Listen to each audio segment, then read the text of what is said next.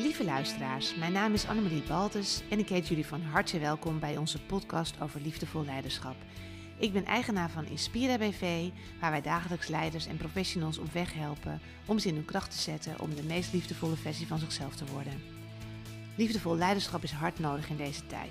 Daarom hebben we besloten om deze podcastserie voor te zetten. Dit jaar ga ik in gesprek met allerlei leiders over tegenkracht. Krachten die je moet weerstaan of overwinnen om een liefdevol leider te worden. Krachten die er zijn, die je vanuit liefde wilt beantwoorden en niet vanuit egomacht bijvoorbeeld. Dat vraagt dat je heel stevig in je schoenen moet staan. Want wat heb je eigenlijk nodig om een liefdevol leider te zijn? Vandaag ga ik weer in gesprek met Marijn Ornstein. Deze keer hebben we het over vasthouden en doorzetten. Marijn is dijkgraaf bij Waterschap Vallei en Veluwe. Met Marijn heb ik al eerder een super interessante podcast opgenomen. Liefdevol leiderschap in openbaar bestuur. Deze podcast kun je terugluisteren in de eerste serie, aflevering 3. Vandaag gaan we het hebben over vasthouden en doorzetten. Nou Marijn, welkom. Fijn dat je er bent. Dankjewel. Ja, kun jij misschien iets uh, over jezelf vertellen voor de mensen die jou nog niet kennen? Ja, een uh, interessante vraag als eerste vraag. Want uh, normaal was ik gewend om mezelf te definiëren aan de hand van wat ik doe. Maar de vraag is natuurlijk eigenlijk een hele andere: van wie ben je? Laat ik het zo zeggen, wie je bent, dat is een ontdekkingstocht die je start op het moment dat je geboren wordt en die je mag voortzetten je hele leven lang. En daarbij wordt ook steeds duidelijker wat je, wat je hier te doen hebt in de tijd dat je het geschenk van het leven hebt. Ja. En wat voor mij heel erg belangrijk is om de wereld net een beetje beter achter te laten dan ik hem heb aangetroffen op heel veel verschillende niveaus. Dat is wat mij drijft. Zeker in relatie tot, uh, tot uh, voor, voor de toekomstige generaties. En ik vind het ook heel erg leuk om daarmee ook met de toekomstige generaties aan de slag te zijn. En dat doe ik dus ook in mijn rol als dijkgraaf. ik ben nu sinds een jaar en een paar maanden dijkgraaf. Voor degenen die niet weten wat een dijkgraaf is. Uh, dat is eigenlijk het, uh, bijna hetzelfde als een burgemeester van een gemeente, maar dan ben je dijkgraaf van een waterschap. En de waterschappen die zijn verantwoordelijk voor veilige dijken, schoon en voldoende oppervlaktewater en het zuiveren van rioolwater. Nou, interessant. Vandaag uh, regende toevallig. Het is heel lang droog geweest en ik moest ook weer meteen aan jou denken. Marijn zal wel blij zijn met deze regen. Nou, ja. dat klopt inderdaad, want uh, droogte is een heel groot uh, probleem, wat juist nu weer uh, ontzettend actueel is. Het is de, de, de, de, droogte die we nu zien, die is sinds 1976 niet zo heftig geweest. En dat betekent ook dat de meerdere waterschappen, met name in de oostelijke en zuidelijke Nederland, maatregelen hebben moeten nemen. En wat voor maatregelen zijn dat dan? Uh, dan moet je denken aan een onttrekkingsverbod oppervlaktewater. Dus dat je geen water meer mag uh, gebruiken uit uh, sloten, vijvers, meren. om ja, te gebruiken om je planten water te geven of je zwembadje te vullen of wat dan ook. En uh, wat ook wel goed is om te bedenken dat als je dan de, het alternatief de kraanwater uh, zou willen gebruiken, dat dat niet de oplossing is. Want daarmee hou je het droogteprobleem natuurlijk gewoon in stand. Dus het is ook een hele belangrijke oproep om zuinig te zijn met, met water. Water wordt een steeds schaarser goed, wat we meer mogen gaan koesteren als samenleving. Ja.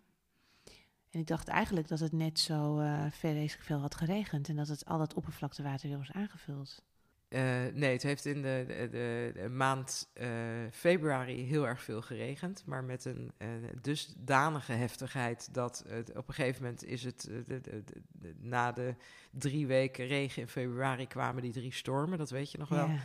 En met die drie stormen merkte je ook dat, het, dat de grond volledig verzadigd was, dus dat het water dan gewoon vervolgens wegloopt. En er is op dit moment maar een beperkt vermogen om uh, water vast te houden. En dat is ook waar, waar, heel veel waterschappen nu mee aan het werk zijn. Is hoe zorg je dat het water uh, vastgehouden kan worden voor de droge periodes. Nou, dank je. En dan zijn we toch van wie ben je naar wat doe je? Toch weer gewoon geruisloos overgegaan. Ja, en dat kan ook bijna niet anders, want ik ken jou als een enorm bevlogen, bevlogen persoon. Ik heb jou uitgenodigd omdat ik het uh, interessant vind um, om met jou in gesprek te gaan over vasthouden en doorzetten.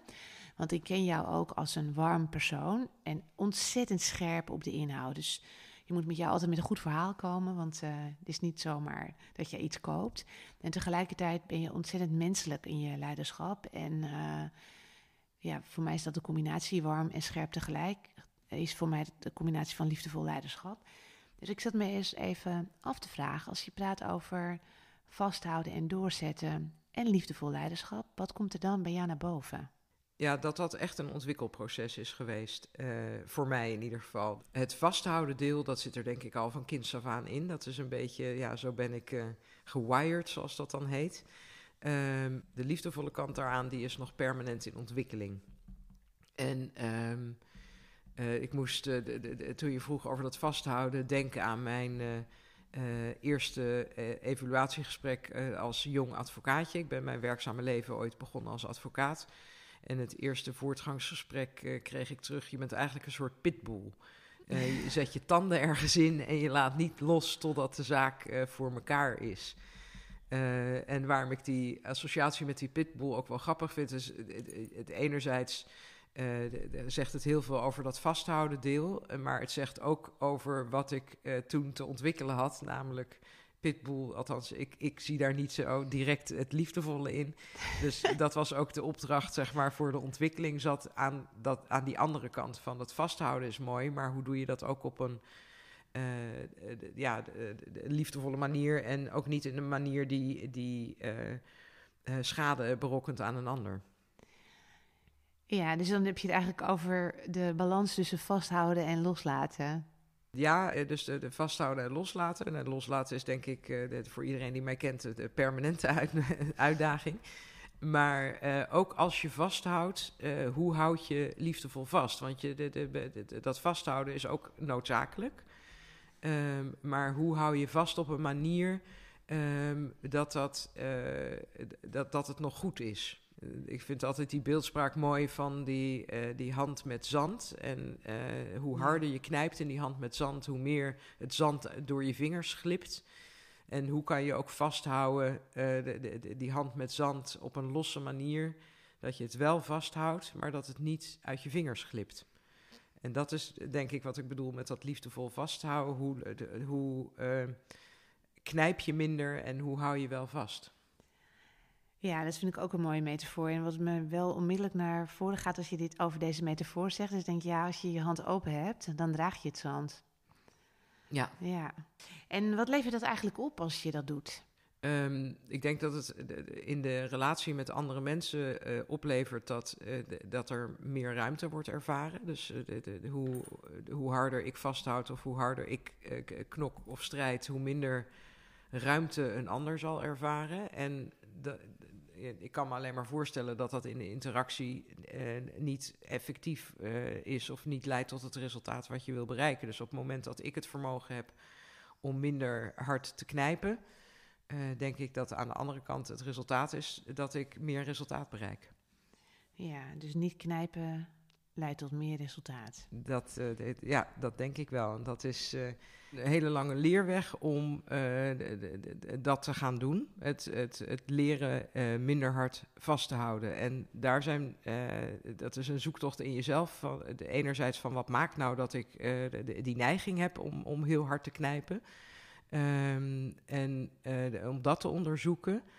En uh, wat ik eh, ook merk aan mezelf is dat het heel erg belangrijk is om daar ja, toch een vorm van zelfclementie te ontwikkelen, noem ik dat maar.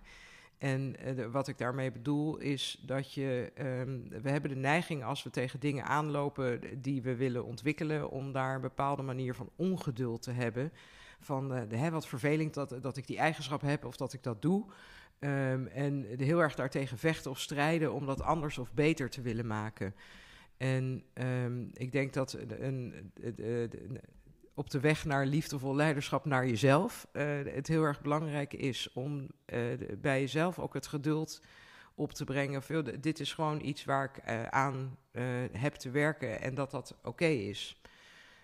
Um, dus soms uh, kunnen we de neiging hebben om zo erg uh, hard te vechten tegen de dingen die, uh, die, die, we willen ontwikkelen, of daar bestraffend over te zijn naar onszelf, dat we onze eigen ontwikkeling in de weg staan. En karakterologisch ben ik wel iemand die eh, daar heel erg tegen kan strijden of daar heel erg bestraffend over kan, kan zijn naar mezelf eh, om, om dingen te willen verbeteren of, of, en daar ongeduldig naar mezelf te zijn van waarom heb ik dat en daar dan heel hard mee aan het werk wil. Maar terwijl de kunst is om ook te accepteren dat dat onderdeel van jezelf is en daar veel meer vragend en onderzoekend naar te zijn. En ook veel meer in de interne dialoog te kijken van wat maakt nou dat het op dit moment opspeelt. Dat lijkt me heel verstandig, ja. Dus dan ben je eigenlijk de coach van jezelf. Ja, dat, de, maar dat, uiteindelijk uh, is dat ook wel, denk ik, de, de, de essentie. Want uh, als ik e-, één iets heb geleerd in de, in de trajecten die ik ook hier bij Inspira heb doorlopen, is dat de mensen heel erg geneigd zijn om uh, de, de, oplossingen en, en, en oorzaken van wat ze ervaren buiten zichzelf te zoeken. Uh, maar in essentie, uh, stel je voor dat, dat, dat je problemen hebt met, met veiligheid of dat je je snel onveilig voelt. Dan, kan, dan is het heel makkelijk om buiten jezelf allemaal oorzaken voor die onveiligheid um, aan te wijzen. Terwijl uiteindelijk de enige die kan voorzien in die veiligheid jezelf bent. En het is een zoektocht als het gaat in dit voorbeeld over veiligheid. Van wat, wat kan ik in mijzelf doen om voor mezelf te zorgen op dit punt? Ja, en als je dan voor jezelf zorgt um, op dit punt, hè, dus als je merkt van nou, ik zit toch uh, me vast te bijten of te knijpen, zoals je dat zegt. En ik had me nog zo voorgenomen om het niet te doen en ik doe het dus toch. Ik denk dat dit heel herkenbaar is, want ik denk dat iedereen dit soort delen in zichzelf heeft. Ehm, hoe, hoe ben je dan mild voor jezelf? Ehm, laat ik zo zeggen, het is een leerweg. Hè? Dus soms lukt dat ook echt totaal niet. En, uh, maar dan, merk ik, uh, dan merk ik het aan de invloed die het uh, op mij heeft. Dus ik word ja. gestrest of relaxed of niet, niet blij. En dan, dan, dat zijn eigenlijk de signalen dat er iets niet goed gaat. Hè? Of dat er iets, iets loopt te broeien in jezelf. En de, de, de, het, het vermogen om dan te onderzoeken van... hé, hey, er, er is iets, ik ben uh, uit balans. er is dus iets wat mij dwars zit. Um, heb ik het vermogen om dat in mezelf te gaan zoeken. in plaats van te denken van ja, ik ben gestrest vanwege dat. Of ik ben bezig met het aankoop van een huis, dat zal me gestrest maken.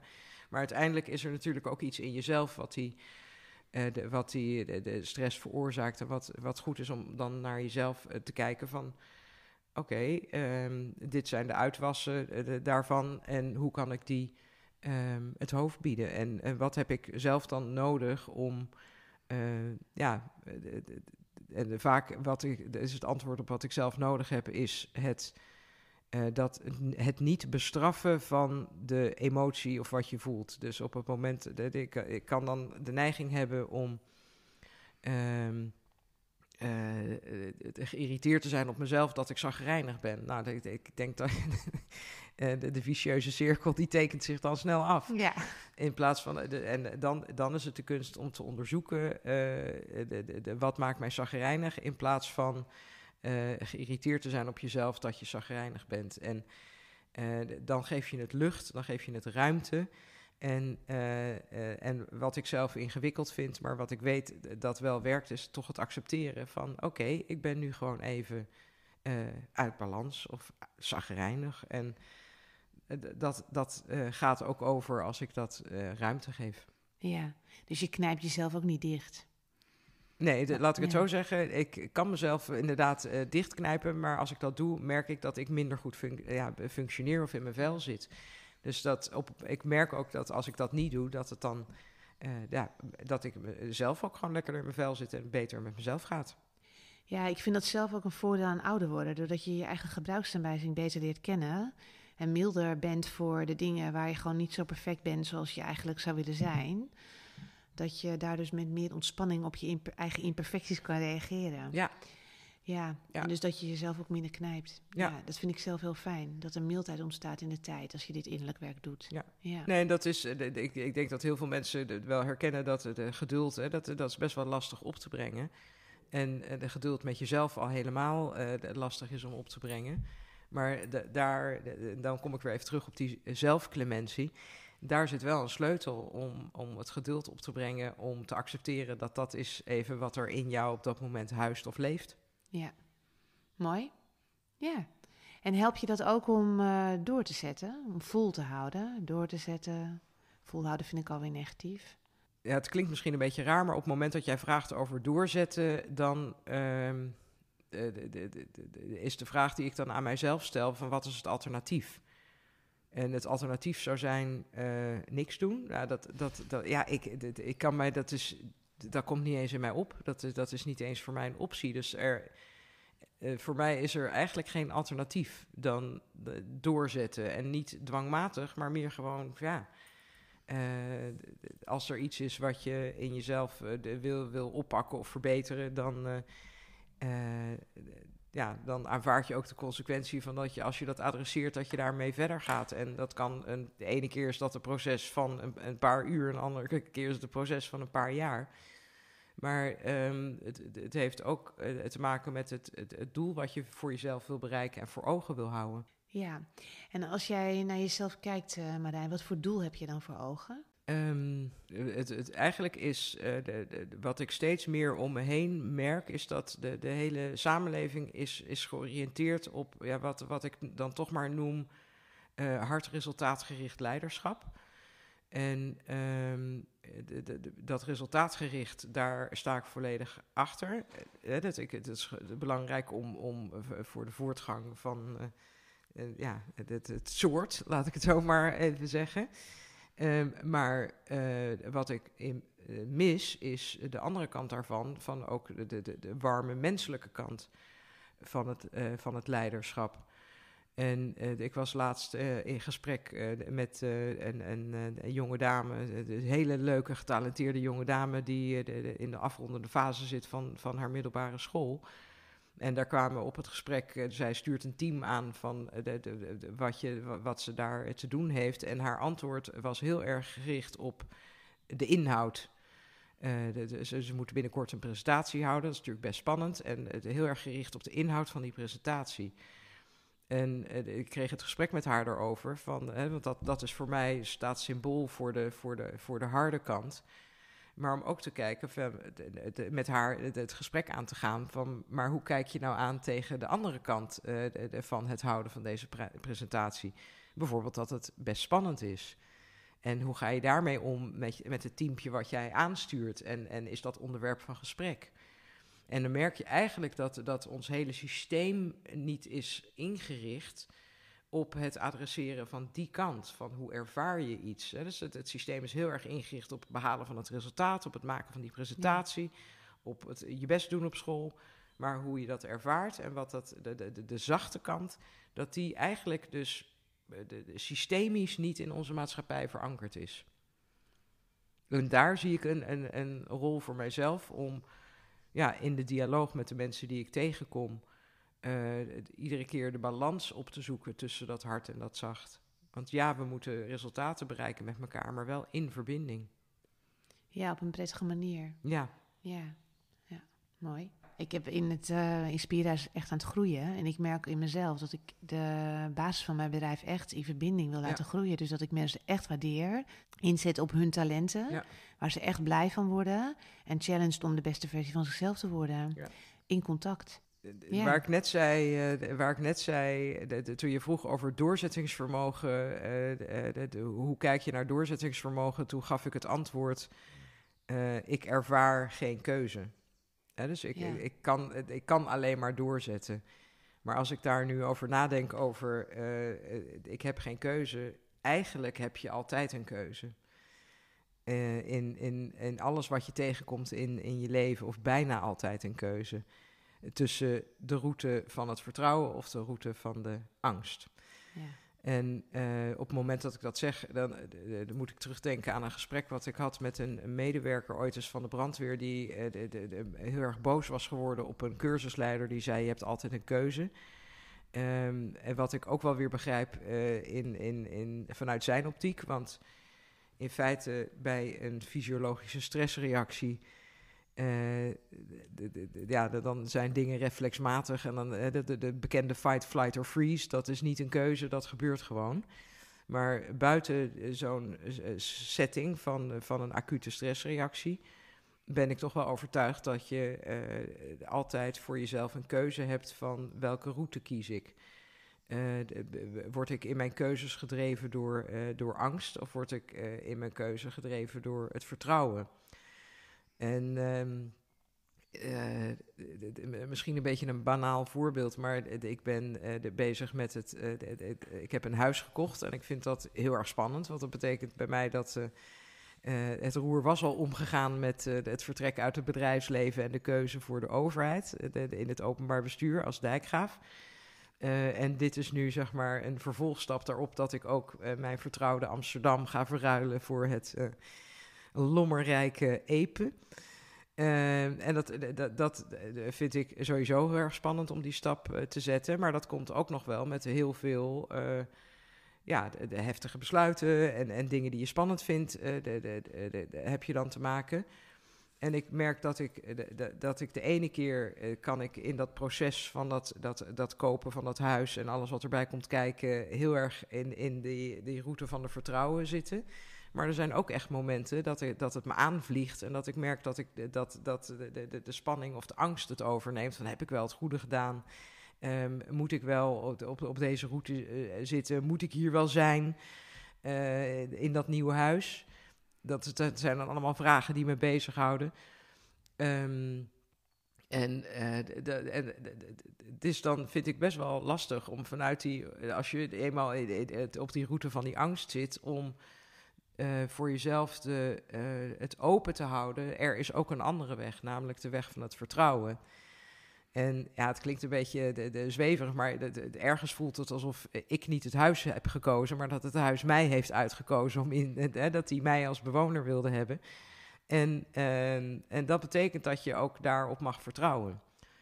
En dat met, met alle romslomp die erbij komt kijken, of alle ingewikkeldheden of beren op de weg die je tegenkomt, uh, dat je daarop mag vertrouwen dat dat goed komt. En dat, uh, en dat vind ik, eh, de, de, de, als ik het net sprak over die keuze, je hebt daar eh, altijd een keuze in welke, op welke route zit je. Zit je op de, keuze, op de route van de angst of zit je op de route van het vertrouwen?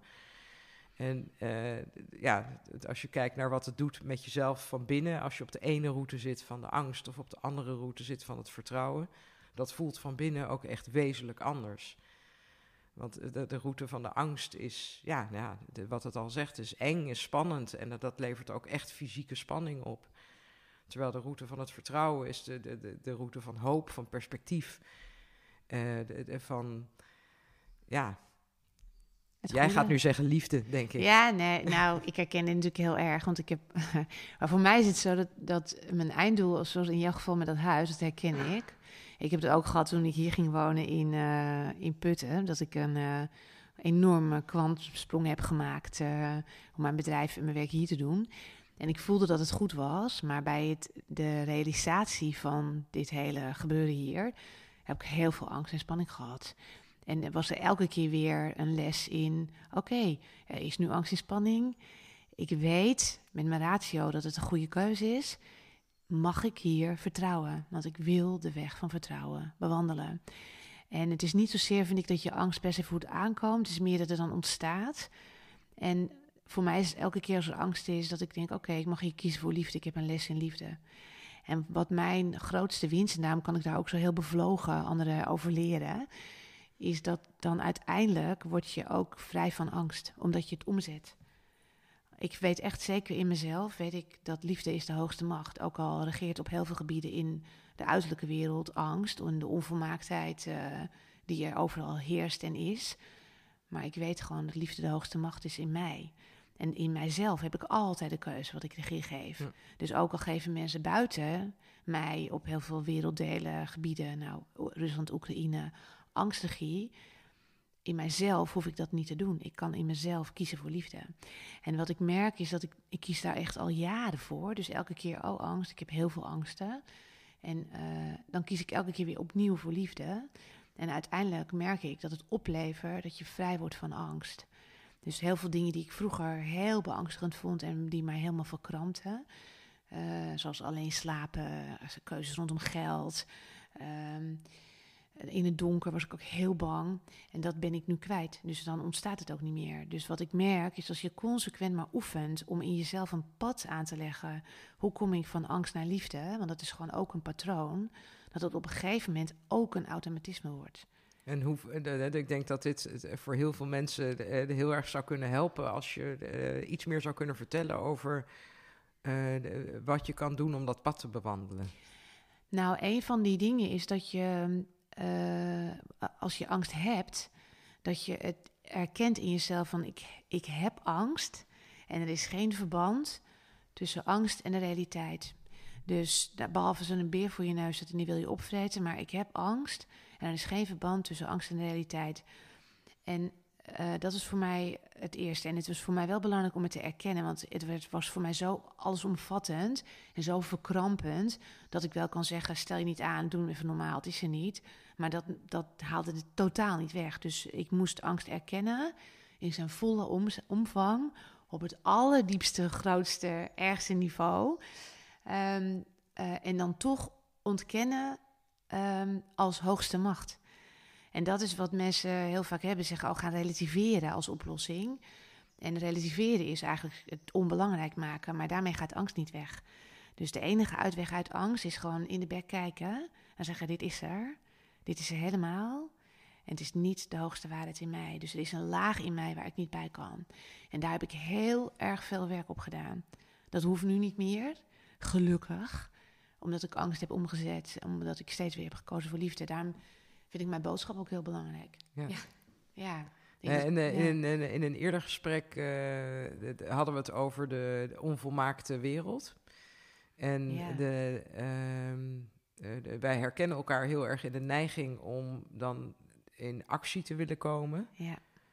En wat ik heel erg mooi vond, dat je ook aangaf van zelfs die onvolmaaktheid, daar zit een les in van acceptatie. En um, je formuleerde het zelf veel mooier, maar het is, ik vond dat wel een hele belangrijke uh, les uh, die, uh, die je te geven hebt daar. Ja, dat was zo'n inspiratiemomentje. Dan hoor ik mezelf praten en denk ik, wow, ik moet het even opschrijven. Dat deed ik ook. Ik schrijf even mee. Maar wat ik zei was, um, wij leren in deze onvolmaakte wereld onze eigen onvolmaaktheid opheffen. En um, en dat is wat we doen. En daar waar angst is, daar uh, zijn we bang en kiezen we eigenlijk, laten we ons leiden voor onvolmaaktheid. Maar op het moment dat je kiest van het is liefde en de dingen zijn precies zoals ze moeten zijn en het is goed, ook al kan ik het niet zien en alles wat er mij gebeurt is in mijn hoogste belang en ik ga nooit over het levenspad van de ander. Dat zijn allemaal Um, hoe moet ik het zeggen? Kreten, zei laatst iemand. Van die, heb van die kreten. ja. ja, van die kreten die mij helpen om voor het pad van liefde te kiezen. En ook niet te wijken. Dus het is, je kan zeggen, oké, als je alleen maar liefde wil zien, dan doe je je ogen dicht voor de ellende. Nou, dat is absoluut niet mijn stijl. Het is dat je in de ellende kan zien, er, zit, er is iets diepers hier, ook al zit ik compleet vast. Ja, dus voor mij is dat de uitweg ook uit angst. Er is een laag in mezelf waar ik niet bij kan en die laag heet vertrouwen. Maar die deur, daar durf ik nu niet in te rusten. En dat is voor mij ook wat perspectief geeft. Dus net als dat jij met je, met je huis uh, voelt, ik maak een goede keuze, het huis heeft mij gekozen en ik wil ook heel graag met dit huis trouwen, eigenlijk. Dan voel je dat het goed is. En ik denk dat, ja, dat is met een huwelijk eigenlijk ook zo. Je kiest voor je partner. Ja, in goede tijden en slechte tijden. En slechte tijden is als het even vast zit, klem zit, twijfel is. En dat is twijfel is gebrek aan vertrouwen dan um, door je weer te verbinden met je uiteindelijke doel van samen, maak je nieuwe vermogens vrij. Zo zie ik dat echt. Ja, dus eigenlijk is vasthouden en doorzetten is het ultieme iedere keer de keuze maken voor het pad van vertrouwen. Ja, en dus in jezelf twijfel, angst omzetten. En volgens mij is dat de weg van ieder mens. En ik weet ook wel van mezelf, en daarom vind ik het ouder worden zelf, nou, dat weten mensen wel, vind ik echt vreselijk. Alles gaat hangen, wordt lelijk. En dat vind ik echt heel heftig. Maar wat ik zelf wel fijn vind, is de innerlijke verworvenheid die ik heb. Dat ik voor heel veel met vertrouwen kan zien en vanuit vertrouwen kan reageren. Terwijl vroeger was het dus absoluut niet waar ik vandaan kom. Ik kom uit eigenlijk gewoon compleet uit verkramp, verkramping. Ja. Dus iemand vroeg gisteren aan mij van... Uh, goh, oh, je hebt economie gestudeerd. Hoe kom je dan eigenlijk op dit pad? Ik zeg, ja, ja, ik was gewoon zo verkrampt in mezelf dat ik wel naar binnen moest. Ik werd erdoor gedwongen. En daardoor zie ik ook wel dat mensen soms vreselijke dingen meemaken en ook helemaal verkrampt zijn van binnen. En dan denk ik toch, ja, dit is toch bedoeld om in die verkramptheid, ergens is er altijd een lichtje. Ja. En, ehm, en uh, ook al is alles donker en zwart, er is altijd een klein lichtje. En als je dat kleine lichtje niet kan zien, omdat het helemaal donker en zwart is, dan zeg ik eigenlijk altijd, ook tegen mezelf, want ik heb die periodes ook gehad dat het helemaal zwart is. Eh, ik zie het niet, ik zie geen licht, mag ik het zien? En eigenlijk is dat gewoon een innerlijk gebed. En het raakt me ook als ik dit zeg, omdat ik echt best wel ja, moeilijke tijden heb gehad ook. Maar elke keer weer, ja, er is geen licht, mag ik het zien? En elke keer merk ik dat, dat ik het dan toch, ook al is het niet in het moment zelf, en daarom hebben we tijd, en dat is denk ik ook volhouden en vasthouden, er toch weer perspectief komt.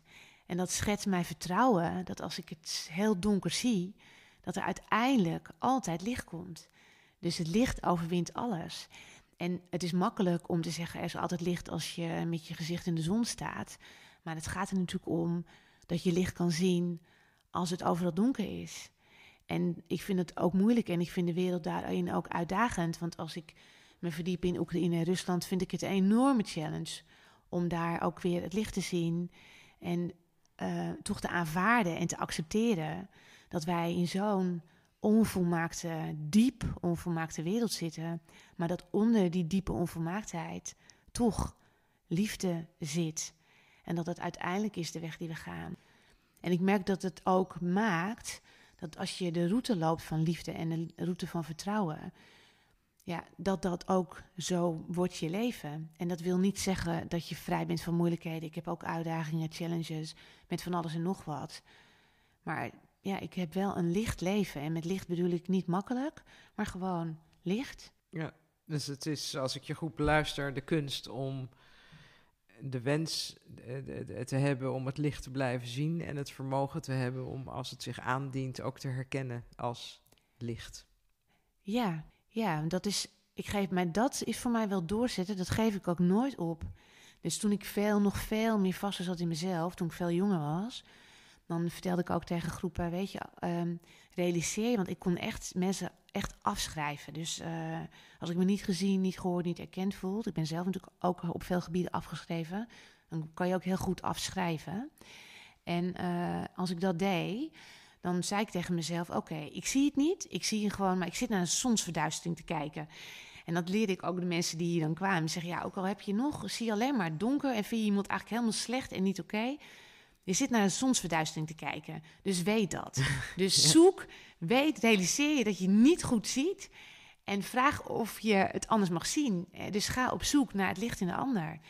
Ja, en ja, maar de meeste mensen zijn zo geprogrammeerd doordat ze bang zijn, dat ze op zoek gaan naar het duister. En als ze het duister zien in de ander, dat ze het nog even verder gaan onderzoeken. Maar het gaat er natuurlijk om, zie, kan, ben, kan ik het licht zien? Want op het moment dat ik het licht zie in de ander, bied ik ook een, kan ik heel veel onveilige dingen, angsten, moeilijke dingen, pijn, verdriet bespreekbaar krijgen. Omdat ik verbonden ben met, het, met dat niveau wat een ander misschien nog niet helemaal in zichzelf ziet. Dus dan, en dan wordt het ook dus veilig, omdat ik het licht in de ander zie, kan de pijn er ook zijn. En dan wordt het veilig voor pijn. Want ja, als ik bang ben en iemand, als iemand, en iemand zegt: Ja, ik begrijp dat je bang bent, zou ik helemaal door opgeslokt worden. Ja, nee, ik zie nergens licht. Dan ga je natuurlijk ook niet werken daarna. Want dan denk je: Ja, hoe meer ik in mijn angst ga. Uh, samen de duisternis in. Ja, precies. Hoe meer ik mijn angst ga, hoe enger het wordt. Ja. En dat is ook wel wat ik heb geleerd: dat liefde laat vrij, maar angst intimideert. Dus angst, uh, van angst wijken we weg. Terwijl eigenlijk de kunst is dat je als je leert om te blijven staan en je zegt: Oké, er is angst en het is intimiderend, maar het kan mij in mijn kern niet schaden, dan word je ook vrij van angst. Dan wordt, is angst niet meer zo beangstigend, omdat je het teruggeeft aan zichzelf. En dat is echt fijn als je dat leert in je leven. Maar dat is ook wat je zegt, een lang pad. Ja. ja maar wel heel fijn om te doen. Ja. ja. Nee, en dat vind ik nou het mooie van ouder worden. Dat eigenlijk het eerste deel van je leven bestaat voornamelijk uit nemen. En het tweede deel van je leven bestaat uit geven. En ik denk uh, dat we ah. in die fase zijn, uh, zijn aanbeland. En uh, ik hoor jou daar een enorme drang toe hebben. En die, die ervaar ik ook in mezelf. Dit is, dit is de tijd om terug te geven. Mooi, Marijn. Volgens Ja. mij zijn we een beetje aan het einde. Waar we het over gehad hebben, naast angst en vertrouwen, Marijn, is over liefdevol vasthouden. En de balans tussen vasthouden en loslaten, dat dat eigenlijk een permanente uitdaging is. En dat je zegt, ja, ik was vroeger een pitbull en ehm, eh, dat ben ik nu niet meer. En toch is mijn liefdevolle kant eigenlijk altijd in ontwikkeling. En je hebt het, dat voorbeeld gegeven van niet knijpen, maar eh, vasthouden hè, met zand. Dus eh, niet knijpen leidt tot meer resultaat. De route van vertrouwen en de route van angst. En daar was eigenlijk mijn inspiratiemomentje op gebaseerd. En je hebt ook gezegd, er is eigenlijk geen alternatief. ik kan alleen maar doorzetten. Dat is gewoon iets wat ik van binnenuit steeds maar weer doe. En ik denk dat het ook, ik heb daar nog over nagedacht, ik denk dat het ook klopt. Want eigenlijk doorzetten en doorgaan en vasthouden, dat is ook iets wat leven is. Want het leven gaat altijd maar weer door. Dus ja, dan kan je ook maar beter gewoon doorgaan. Ja. Ja. Nou, dank voor je komst, Marijn. Ja, dankjewel. Dankjewel dat ik weer hier mocht komen voor de podcast. En het was voor mij genoeg om weer op deze manier met jou in gesprek te zijn. Ja, ik vond het ook heerlijk om met jou te praten. Hiermee zijn we aan het einde gekomen van deze aflevering. Heel erg bedankt voor het luisteren. Ik hoop dat we jullie hebben kunnen inspireren. Voel je vrij om deze podcast te delen met anderen in je omgeving. Mocht je nou interesse hebben in de kracht van liefdevol leiderschap, dan kun je voor meer informatie over onze trainingen en leiderschapsprogramma's terecht op onze website www.inspira.nl. Ik hoop dat je de volgende keer weer luistert naar een gloednieuwe aflevering. En vergeet vooral niet om deze podcast te liken, te volgen en te delen. Ik wens jullie een hele fijne en inspirerende dag toe.